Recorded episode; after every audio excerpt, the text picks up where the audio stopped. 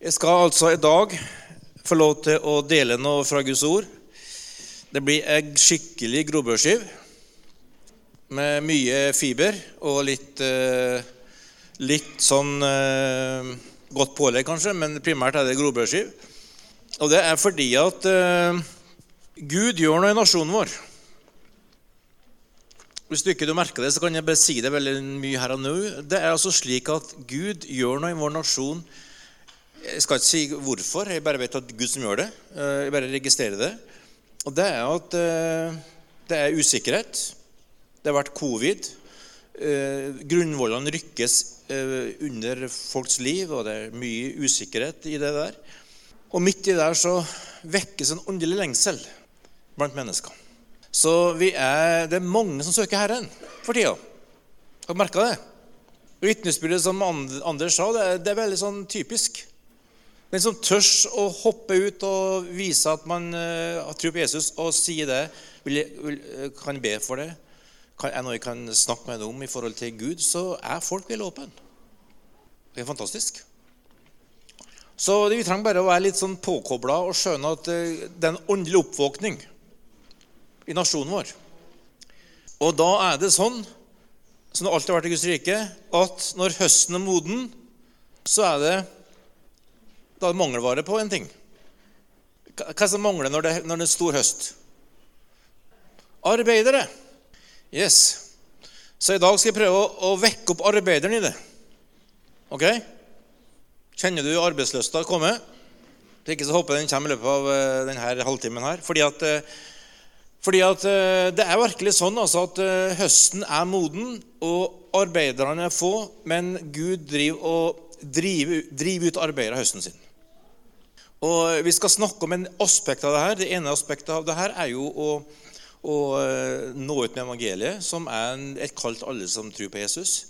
Mens den andre sida av det her er jo da å se noe som heter for åndelig fars- og morskap. Og det skal jeg snakke om i dag. Ok? Så skal vi se hvor langt vi kommer. Jeg har 55 slides. Jeg skal prøve å kutte ned til ganske få. Det er altså slik, da jeg håper i hvert fall at det er sånn for deg. Så kan du få oppleve det i dag. At det største i verden, det er det som en bortkomne sønn opplevde. Det er at du får arven fra Jesus. Du får arven fra Gud sin pappa. Men du bruker den opp på tull og tøys. Du bare kommer til et punkt i ditt eget liv der du vet jeg kan ikke frelse meg sjøl. Jeg holder et mål. Jeg får ikke til å bryte denne vanen. Jeg får ikke til å slutte med det her. Jeg, har, jeg klarer ikke å la være å, å si ting jeg ikke bør si. Jeg klarer ikke å, å tilgi den personen der. Jeg klarer ikke, jeg holder ikke mål. Og du kommer til et punkt hvor du våkner opp. Det er veldig forskjellig fra hver enkelt av oss. Men på et eller annet tidspunkt så våkner jeg opp og skjønner at her inne har jeg ingenting å by på. Her inne, her inne er det ingenting å, å, vise til. Jeg har lyst til å gjemme bort og stenge døra, kaste nøkkelen og si goodbye. Selv om du kanskje kan virke tøff og, og, og, og sterk og besserwisser, som noen kan være. Men inni her er det dårlig stell. Men så, i det her mørket, da, så kommer evangeliet. Og så kommer vi til oss sjøl som den bortkomne sønnen, og så begynner vi å vandre hjem til Gud. Det kan være sånn som hun som møtte Anders på, i går, som uh, møter en kristen som uh, sier 'Jeg kan be til Gud for det'. Denne, denne situasjonen med økonomisk utrygghet den har Gud et svar på. Det er mange måter hvordan folk begynner å vandre hjem til Gud. For det er ikke sånn at du, du våkner opp en dag, og så er du liksom hjemme hos Gud veldig fort. Du er på en vandring, sier Lukas 15. Men på den veien der altså, så kommer Gud i møte. Han står ikke og venter på å gi deg lekser om hva som ikke var godt nok, men han, det står at han, kommer den sønnen i møte, står det, og kaster om han, omkring han. Og sier 'Du min'. Og så får han ring på fingeren. En sånn ring som viser at du tilhører en annen. Du tilhører Gud sjøl. Du er Guds barn. Du er, du er, du er født på ny. Du er, du er, fri. Og du får nye klær. Du blir ren. Du blir rettferdig. Du blir ny skapning. Du kan møte fortida di uten å skjemmes, uten å frykte. Du kan møte framtida di uten å, å, være redd. For du har møtt pappa Gud, han som gjør alle ting nytt, nytt og som bare er fantastisk. Halleluja! Det er gjenreisning, heter det på et godt ord. Du blir gjenreist som sant, godt menneske. Har du opplevd det? Har du opplevd det? Har du opplevd det? Var det bra? Kan du eh, vise litt begeistring for at du opplevde det? Ja, det er lov å være litt eh, Tenk å bli, tenk å bli tilgitt. Tenk å bli fri synd og skyld og skam og forbannelse. Hæ? Tenk å møte livet og døden og vite at han har vært der og vil rydde opp for det. Tenk at ingenting som har skjedd før, kan innhente og ødelegge for det, for at han har satt en strek og sagt det over. Du er tilgitt, du en ny skapning. Halleluja. Jeg kan av og til bli litt sånn begeistra for deg. altså. Det er helt fantastisk. Og så får du en ny identitet. Du vet at du har ikke noe å vise til. Du vet at du har ikke noe å skryte av. Du bruker ikke deg sjøl som målestokk. Du har ikke behov for å få posisjon og titler og god økonomi og, og sånn for å være noe. For det, det, du er, er det som du har fått i Jesus. Du har fått et nytt liv. Du er tilgitt. Det kan ikke bli noe større i verden enn å få oppleve å bli Guds barn. Det er det største i verden du kan få oppleve. Det er fantastisk, det, altså. Så en hjemmeværende sønn, som det står om i Lukas 15, vers 25 Han var og Det er mange kristne som er sånn. Og Det er dem jeg ønsker å få over på rette sida nå. da. For Mange kristne går rundt og tenker på seg sjøl ja, jeg er ikke god nok, og jeg holder ikke, holder ikke mål. og Hun tror hun er bedre enn meg, og jeg får ingenting, og Gud er kjip. og Livet er trasig, men gjennom kristen for en har trodd på evangeliet. og Jeg får nå bare holde det gående. Men alt dreier seg om meg og mitt, og hvor dårlig de er, hvor elendig det er, hvor lite Gud hjelper meg, og sånne ting. Hjemmerne sønn var kun et plage og en pest for alle. Men var hjemme hos pappa. Men han betydde ingenting for framgangen for Guds rike. For når festen starta, og folk ble frelst, og lukta kom, og det ble eh, liv i leiren, så Ja, men hva skjedde med meg, da? Men Gud reiser et nytt folk som elsker de som kommer hjem til Gud. Som elsker de som ikke passer inn, elsker de som ikke er A4, elsker de som bare møter Jesus og er full av liv, og som er med på festen og gleden og dansen og jubelen. For du vet, det her har ikke noe med meg å gjøre. Det har med han å gjøre. Så de hjemmeværende kan få legge av tjenerrollen og den betinga kjærligheten og få lov til å være Guds barn kun av nåde. Åh, det er fantastisk! Nåde er et godt ord, altså. Nåde gjør at det er ingen som kan måles opp mot andre og si er bedre, er høyere, er flinkere, jeg er raskere, er ditt, datt. Nei, nåde er han, han, han, han. Guds familie. Det er gull verdt. Så når du, når du kommer dit, da At du kan få lov til å omfavne pappa Gud Og du som har et dårlig pappaforhold fra barndom eller fra dine, din, din menneskelige far, kan få oppleve det her fantastiske farsforholdet til Gud. Da, da, skjer det noe fantastisk. Og det er Gud som vil gi oss. Jeg vet at han er far. Han er alfa og omega. Han er bare god. Han har all makt. Ingenting kan drive det ut av, av hans hånd. Han straffer ikke. Han plager det ikke. Han driver ikke og holder ting opp imot det. Han tilgir det. Og når du, har tilgitt, når du tilgitt, så er det borte. Du kan reise det med god samvittighet. Du kan leve i fred og glede. Livet med Gud er fantastisk. Det er ikke enkelt. Det er ikke lettvint. Det er ikke, det er ikke, det er ikke sånn at det bare går på en, på en, rød sky, men du har noe her inne. Åh, her inne. Noen robusthet som er sånn, født av Gud, som ikke klarer å bli ødelagt av pushet og presset og kravet og sykdom og plage og motgang og økonomi. Alt som prøver å komme inn og si 'bli redd, bli full av angst, bli, bli ditt'. Nei, du tenker nei, nei, nei. nei. Her inne er livet fra Gud. Født av Han. Det holder. Det står. Det tåler trøkket. Amen. Og da skjer da det fantastiske. Kjenner dere igjen det bildet? Noen, det er noen her, da. Det bildet her er fra 16 år gammelt. Det er noen gamle kjendiser der. Og, og det, det, som da skjer, da, vet du, det er at Den hellige ånd driver og åpner øynene, så man ser noe mer enn seg sjøl. Det bildet der er Katrine 20 20 Ja, ca. Kanskje litt yngre. Det er gått, gått 16-17 år siden bildet ble tatt. Ja, 16 kanskje. Og eh, tatt hjemme hos oss på Lundåsen den tida vi bodde der oppe. Det var et grillparty. Det er mange der som ikke dere kjenner. Noen kjenner dere bedre enn andre. Jeg så gjennom det der, der og her tidligere uka der, så forberedte meg. Hm, der, sånn gikk det der. De er der. De har, de har dratt dit. De er der. Men vet du hvorfor dere er her? At noen som var i 20-åra, reiste seg og sa 'Pappa Gud er fantastisk!' Og han skal få en enda flere inn i familien sin og bli arbeidere. Og det er det Jesus gjør i Johannes 20. Han bare åpner øynene og sier til disiplene liksom Gud sendte meg, sender jeg dere. Ikke for at de var kvalifisert, ikke for at de var lyktes. De var nettopp svikta Jesus. Det var like til oppstandelsen. De bedre visste at de var ferdige, men de, de visste samtidig at Jesus har stått opp fra døde.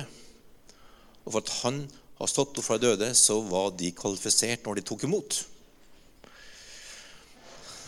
Og Det er det første viktigste du kan høre i dag. Det at, det at Jesus har seier over døden, gjør at du som følger han, er kvalifisert for å tjene han og gå med han og bli en åndelig mor og far i Guds hus. For det har med han å gjøre, ikke med det å gjøre. Er ikke det fantastisk? Så, så det der er en utrolig nøkkel. da. For hva snakker vi om når vi snakker om det her? Jo, vi snakker om at, at du løfter blikket og ser at du har fått noe fra Gud som andre trenger og som du ikke er alene om. Nå har vi fått demonstrert det her i dag. Vi kom hit ca. kvart på elleve. Her var det Vi leier jo et lokale. Her er det mange som bruker anlegget og teknikken, og det er kaos eh, ofte når vi kommer, fordi det er mange som liker å, å, å klustre med anlegget.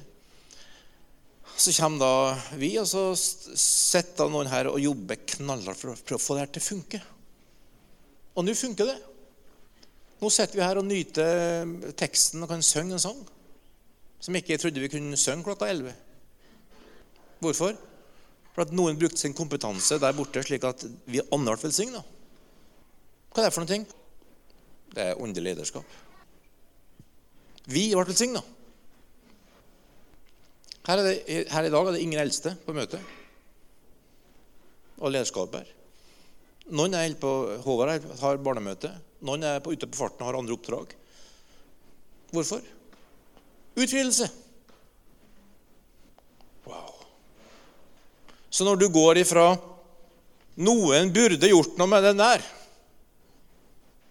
til å si 'Gud, her har jeg noen ting å gjøre. Her kan jeg bidra', så skjer det et utrolig switch som forandrer verden. Så når Stina leder møtet, og så sier også når jeg har den på hjertet, som fra Herren, så bare kom. Så, så vet du at Gud helbreder. Gud sendte sin sønn, og han og står i Guds ord i Jesaja 53 ved hans sår har vi fått legedom. Så opplever Pia et ord fra Gud om at det skal være legedom. Det var en åndelig mor og far å reise seg fra stolen Vite at alle ser på det. Alle følger med. og Tenk om det går gærent, og tenk om det ikke funker. tenk om, tenk om, tenk om. Men du går fram, sier fra til møtelederen, som opplever det samme. Okay, da er to vitner som hører det samme. Og så går du bort dit og tenker Tenk om ingen kommer og ber om forbønn, da! Hva dummer meg skikkelig ut? Ja, men tenk at det kommer. Tenk at kanskje noen har vært helbreda i dag. For at noen var litt villig til å gjøre den lille ekstra dingen der for at det hørtes fra Gud. Wow! Fantastisk. Og så Når vi er ferdige her, så kan vi spise. Kanskje det er noen her i dag som ikke vet om de vil være igjen, for de er så redd for å være her, for de kjenner ingen, og de ikke vet om de passer inn her og ikke, er en del av det her, så de skal prøve å luske, seg ut bak døra. Så er det noen som tar tak i dem og sier, 'Du, vil du ha spist lunsj med Vi har så mye mat med meg. For jeg har med mat ikke bare til meg sjøl og meg og mitt, men jeg har mat til litt flere. For jeg løfta blikket og blitt sendt av Jesus. Så når jeg laga salaten i morgen, så laga jeg til til ti, og ikke bare til to. Wow! Og så Ja, kanskje jeg skal gjøre det. Og så blir du med og spiser en lunsj, og så kanskje du føler at noen bryr seg. Og så kanskje du føler at her er det mennesker som tror på Jesus den veien. Men Jesus er den veien. Gjennom oss. Wow! Det er så utrolig Fantastisk mirakuløst. Enkelt. Men mulig. For vet Når jeg driver og ber til Gud, så, så bare opplever jeg at Gud har en sånn, en sånn meldingsarena oppe, oppe i himmelen. Der han driver og sender meldinger. Kan kalle det messenger, kan kalle det hva du vil. Men han driver og sender meldinger. Og jeg, kan, jeg, jeg, får beskjed fra min fru at jeg er for ofte på meldinger, så jeg prøver å holde meg unna.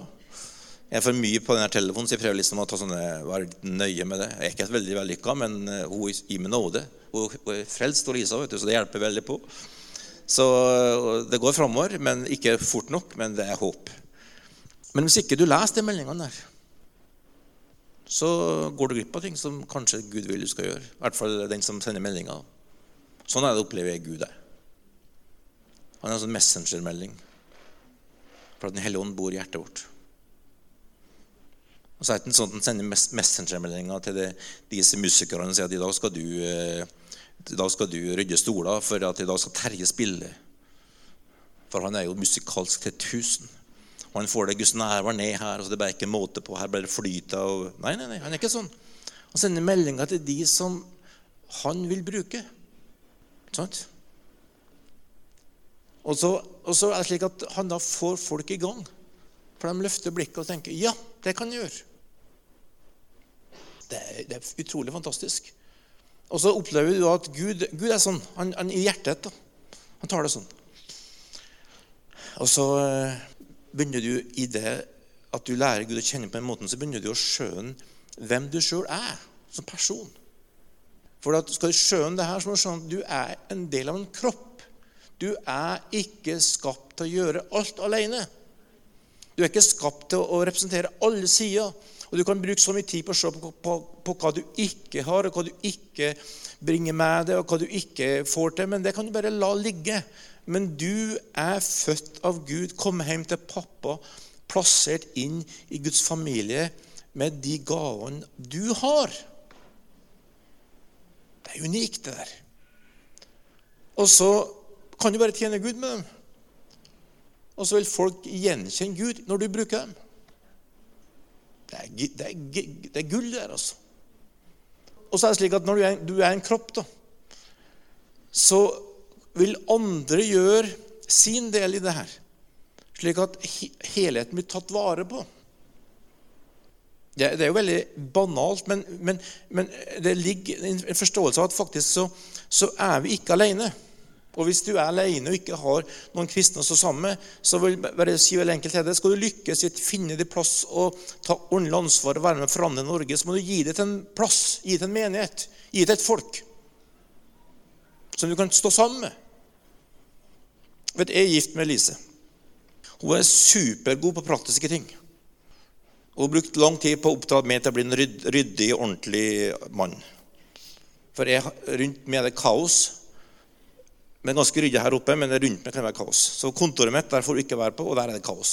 Papir overalt. Det har grupper som bor hos oss nå fått oppdaga at skrivebordet mitt finner ikke du. Du finner, finner masse papir og bøker rundt omkring. Men sånn er livet. Men for at vi er et team sammen, så, så tjener vi sammen. Og fungerer sammen. Så hun er den som lager strukturen og systemet hjemme som gjør at vi kan ha masse besøk. Hun har eh, klart baking, hun har klart middag, hun har alltid kjøleskapet stappfullt, og fryseboksen er full, og vi har ekstra fryseboks, og det er ikke måte på hva vi har.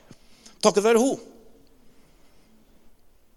Mens jeg er den som bare kan si 'Hei, kom inn! Kom, bli med hjem.' Og det, ja, det kommer fem, nei, det kommer ti, det kommer 15. Ja, det er helt fint.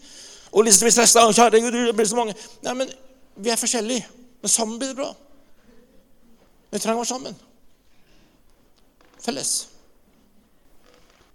Men, men alene så blir du bare, bare begrensa som en sånn gave. Og det fantastiske som Gud ønsker å gjøre iblant oss, det er å få det her til å funke sammen med at vi står opp med det Gud gitt oss, og, og bringer det inn og finner det her i et, en kropp som begynner å funke. Da blir Trondheim forandra. Og Trondheim skal bli forandra. Så hvis du har lyst til å lese litt mer om det her, så kan du slå opp i 1. Tessalonikerbrev, kapittel 2. Der har du en, en, pappa, en gud, altså en gud som bruker en annen mann, eh, eh, nei, Paulus, som ikke er far, ikke er gift, ikke har barn, men som har en, han sier selv at han er en far, og han har en utrolig innsikt i å se mennesker ta seg av mennesker. Jeg skal bare lese noen enkle vers derfra, bare sånn du får litt lite innblikk i hva det her er for noen ting.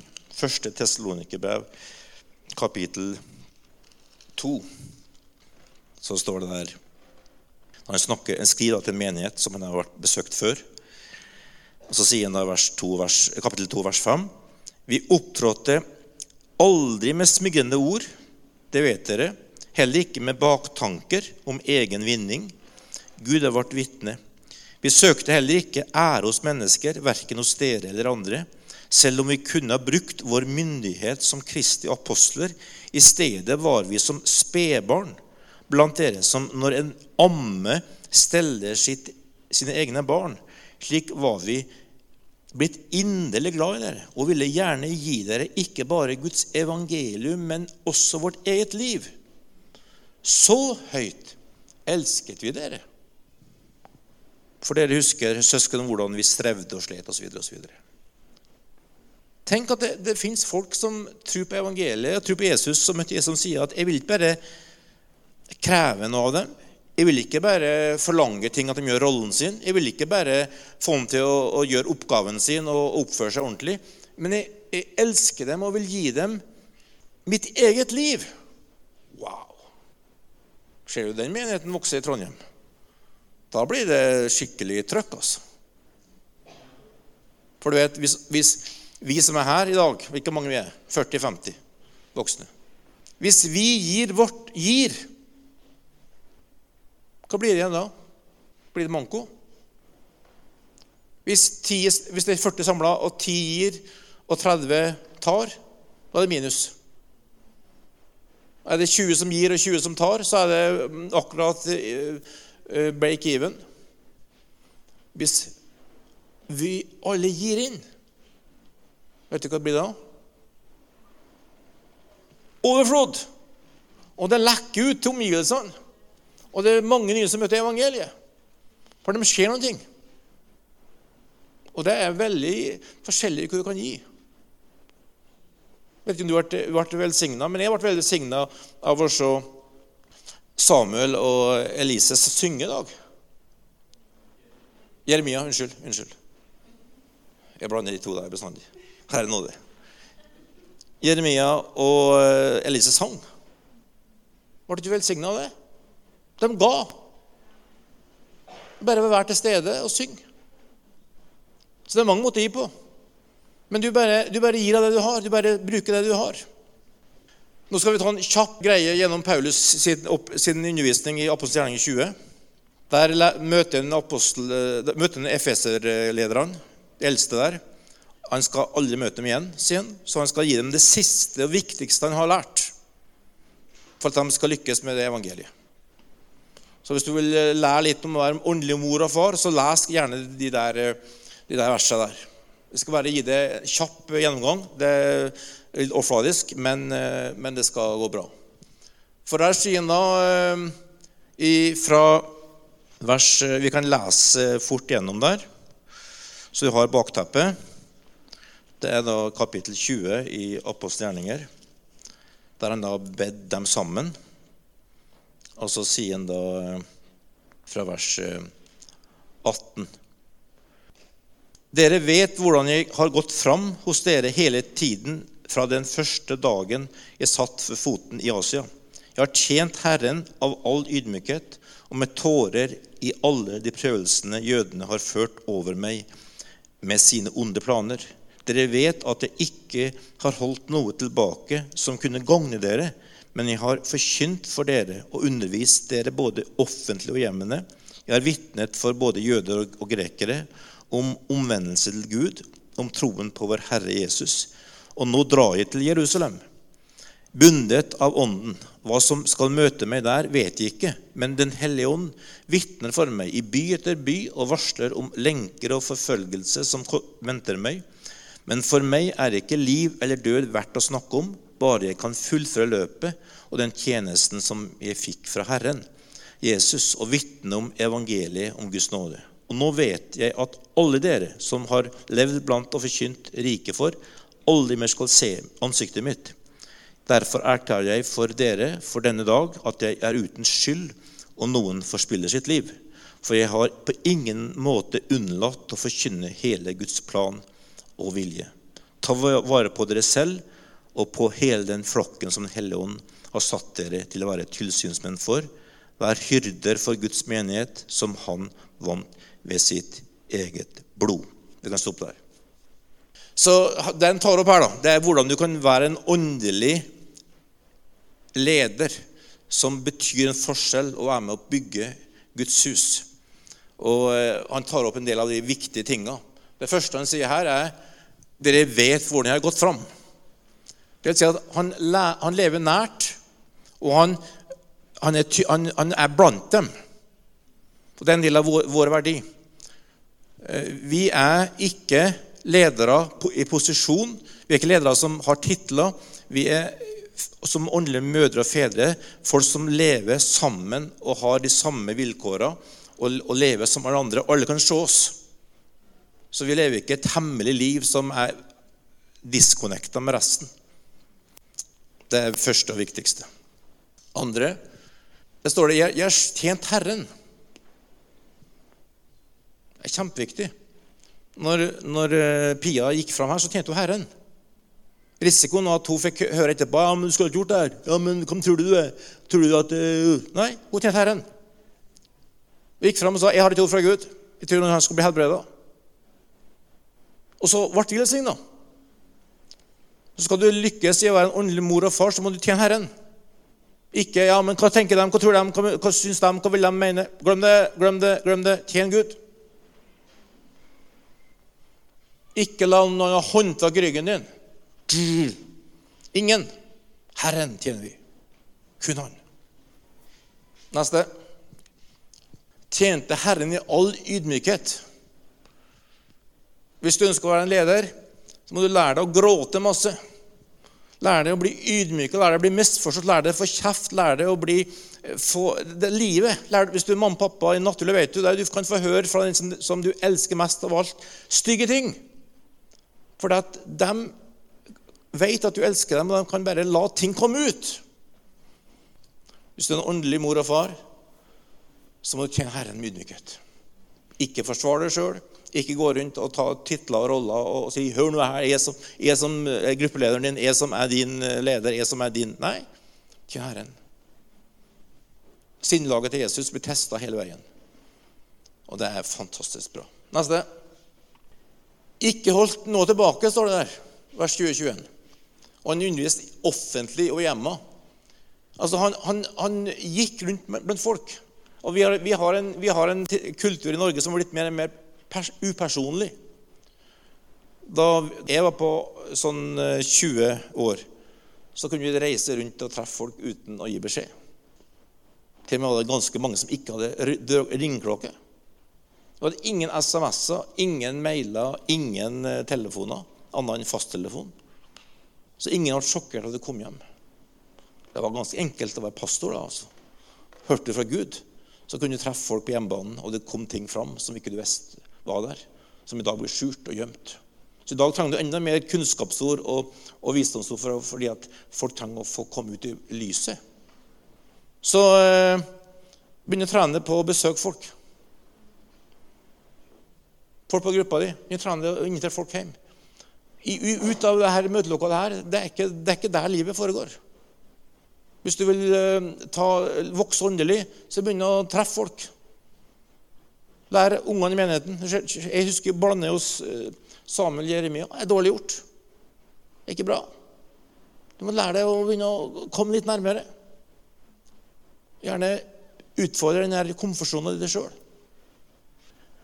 Neste så sier han der at jeg drar til Jerusalem bundet av Ånden. Og det mener jeg altså at du har en retning i livet. Altså, Hvis du vil være med å bygge Guds hus og være med å, å, å lede andre, så, så, sørg for at du har en, en, en, visjon av hva Jesus vil, og begynne å bygge sammen med andre og ha en retning på ting du gjør. Så mange ønsker å fortelle hva du skal gjøre, så mange ønsker å, å gi deg input. Men du må vite hva ønsker du å oppnå. Hva er det Gud har visst det? Hva du representerer? Hva du, du ser? Ofte vil folk oppdage hva du ser, før at eh, du har latt det blitt synlig. For at de etterpå kan anerkjenne og si 'så bra'. Men den sida av en indre fred, den er fantastisk. Fordi at eh, du kan stå med en som nettopp tatt imot evangeliet, og som trenger hjelp til å forstå og være tilgitt, og være av fred med Gud, og, og begynne å be. Og du kjenner at det her er vanskelig, det her er krevende, det er en helt annen verden. Og så har du lyst til å trekke det unna. Nei, du, du bare går litt på. Og Så ber du Gud om nåde, og så vil Gud begynne å undervise deg og hjelpe deg. Fordi at du bare henter ting herfra som Gud har lagt ned i hjertet ditt. Så du litt retning på ting. Dette, jeg erklærer at jeg er uten skyld, sier Paulus. Altså, det er en kjempeviktig side. Vi tror på involvering i hverandre sitt liv. Men vi tror ikke på å ta over ansvaret for andre sitt liv. Så jeg kan være ganske sterk i, i veiledninga mi og si 'Sara, her må det bli en forandring'. Men hvis Sara sier nei, så sier jeg greit, ditt valg. Jeg skal ikke svare innenfor for, Herren med ditt liv. Jeg skal svare hvordan jeg veileder det. Ikke sant? Så, så, du må bare huske på at du, kan, du, må, du må alltid huske på at folk skal svare for sitt eget liv. Og du kan, eh, du, kan, gi dem gode råd, du kan gi dem tydelige råd, du kan til og med være ganske, ganske direkte. Men folk skal svare for sitt eget liv innenfor Gud. Og Du må ta over og, late, og, og, og, ta over og si at du, er, du går den grensa som er mellom deres ansvar og ditt ansvar. Og Det er en treningssak. Og Dess mer usikre og utrygge folk er, dess mer må du være nøye med å ikke tråkke over og ta over livet deres. Fordi at Gud er suveren, han har skapt hver enkelt med, integritet og, og, ansvar.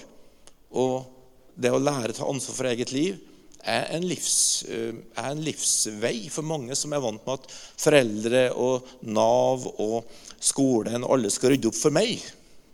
Så det å bli kristen er nødt til å ta ansvar for eget liv og si at jeg kan skylde på mamma og pappa. Jeg kan skylde på læreren, jeg kan skylde på søsknene mine, jeg kan skylde på oppveksten. Jeg har synda, jeg trenger frelse. Mitt ansvar. Og så må du deretter leve i det at det er ditt ansvar. Så, så, så, når du skal veilede mennesker, så må du bare passe på hele tida. Gi dem alltid vissheten om at du har ansvaret. Jeg gir råd, jeg gir tips, jeg skal be til Gud for det. Jeg skal, jeg skal gi deg Guds ord. Men du må ta valg, og du skal stå ansvarlig for valgene du tar. Ikke skyld på meg. Ikke skyld på menigheten, ikke skyld på andre. Det er ditt ansvar. Vi velger ikke hva vi møter, vi velger hva, hvordan vi møter det.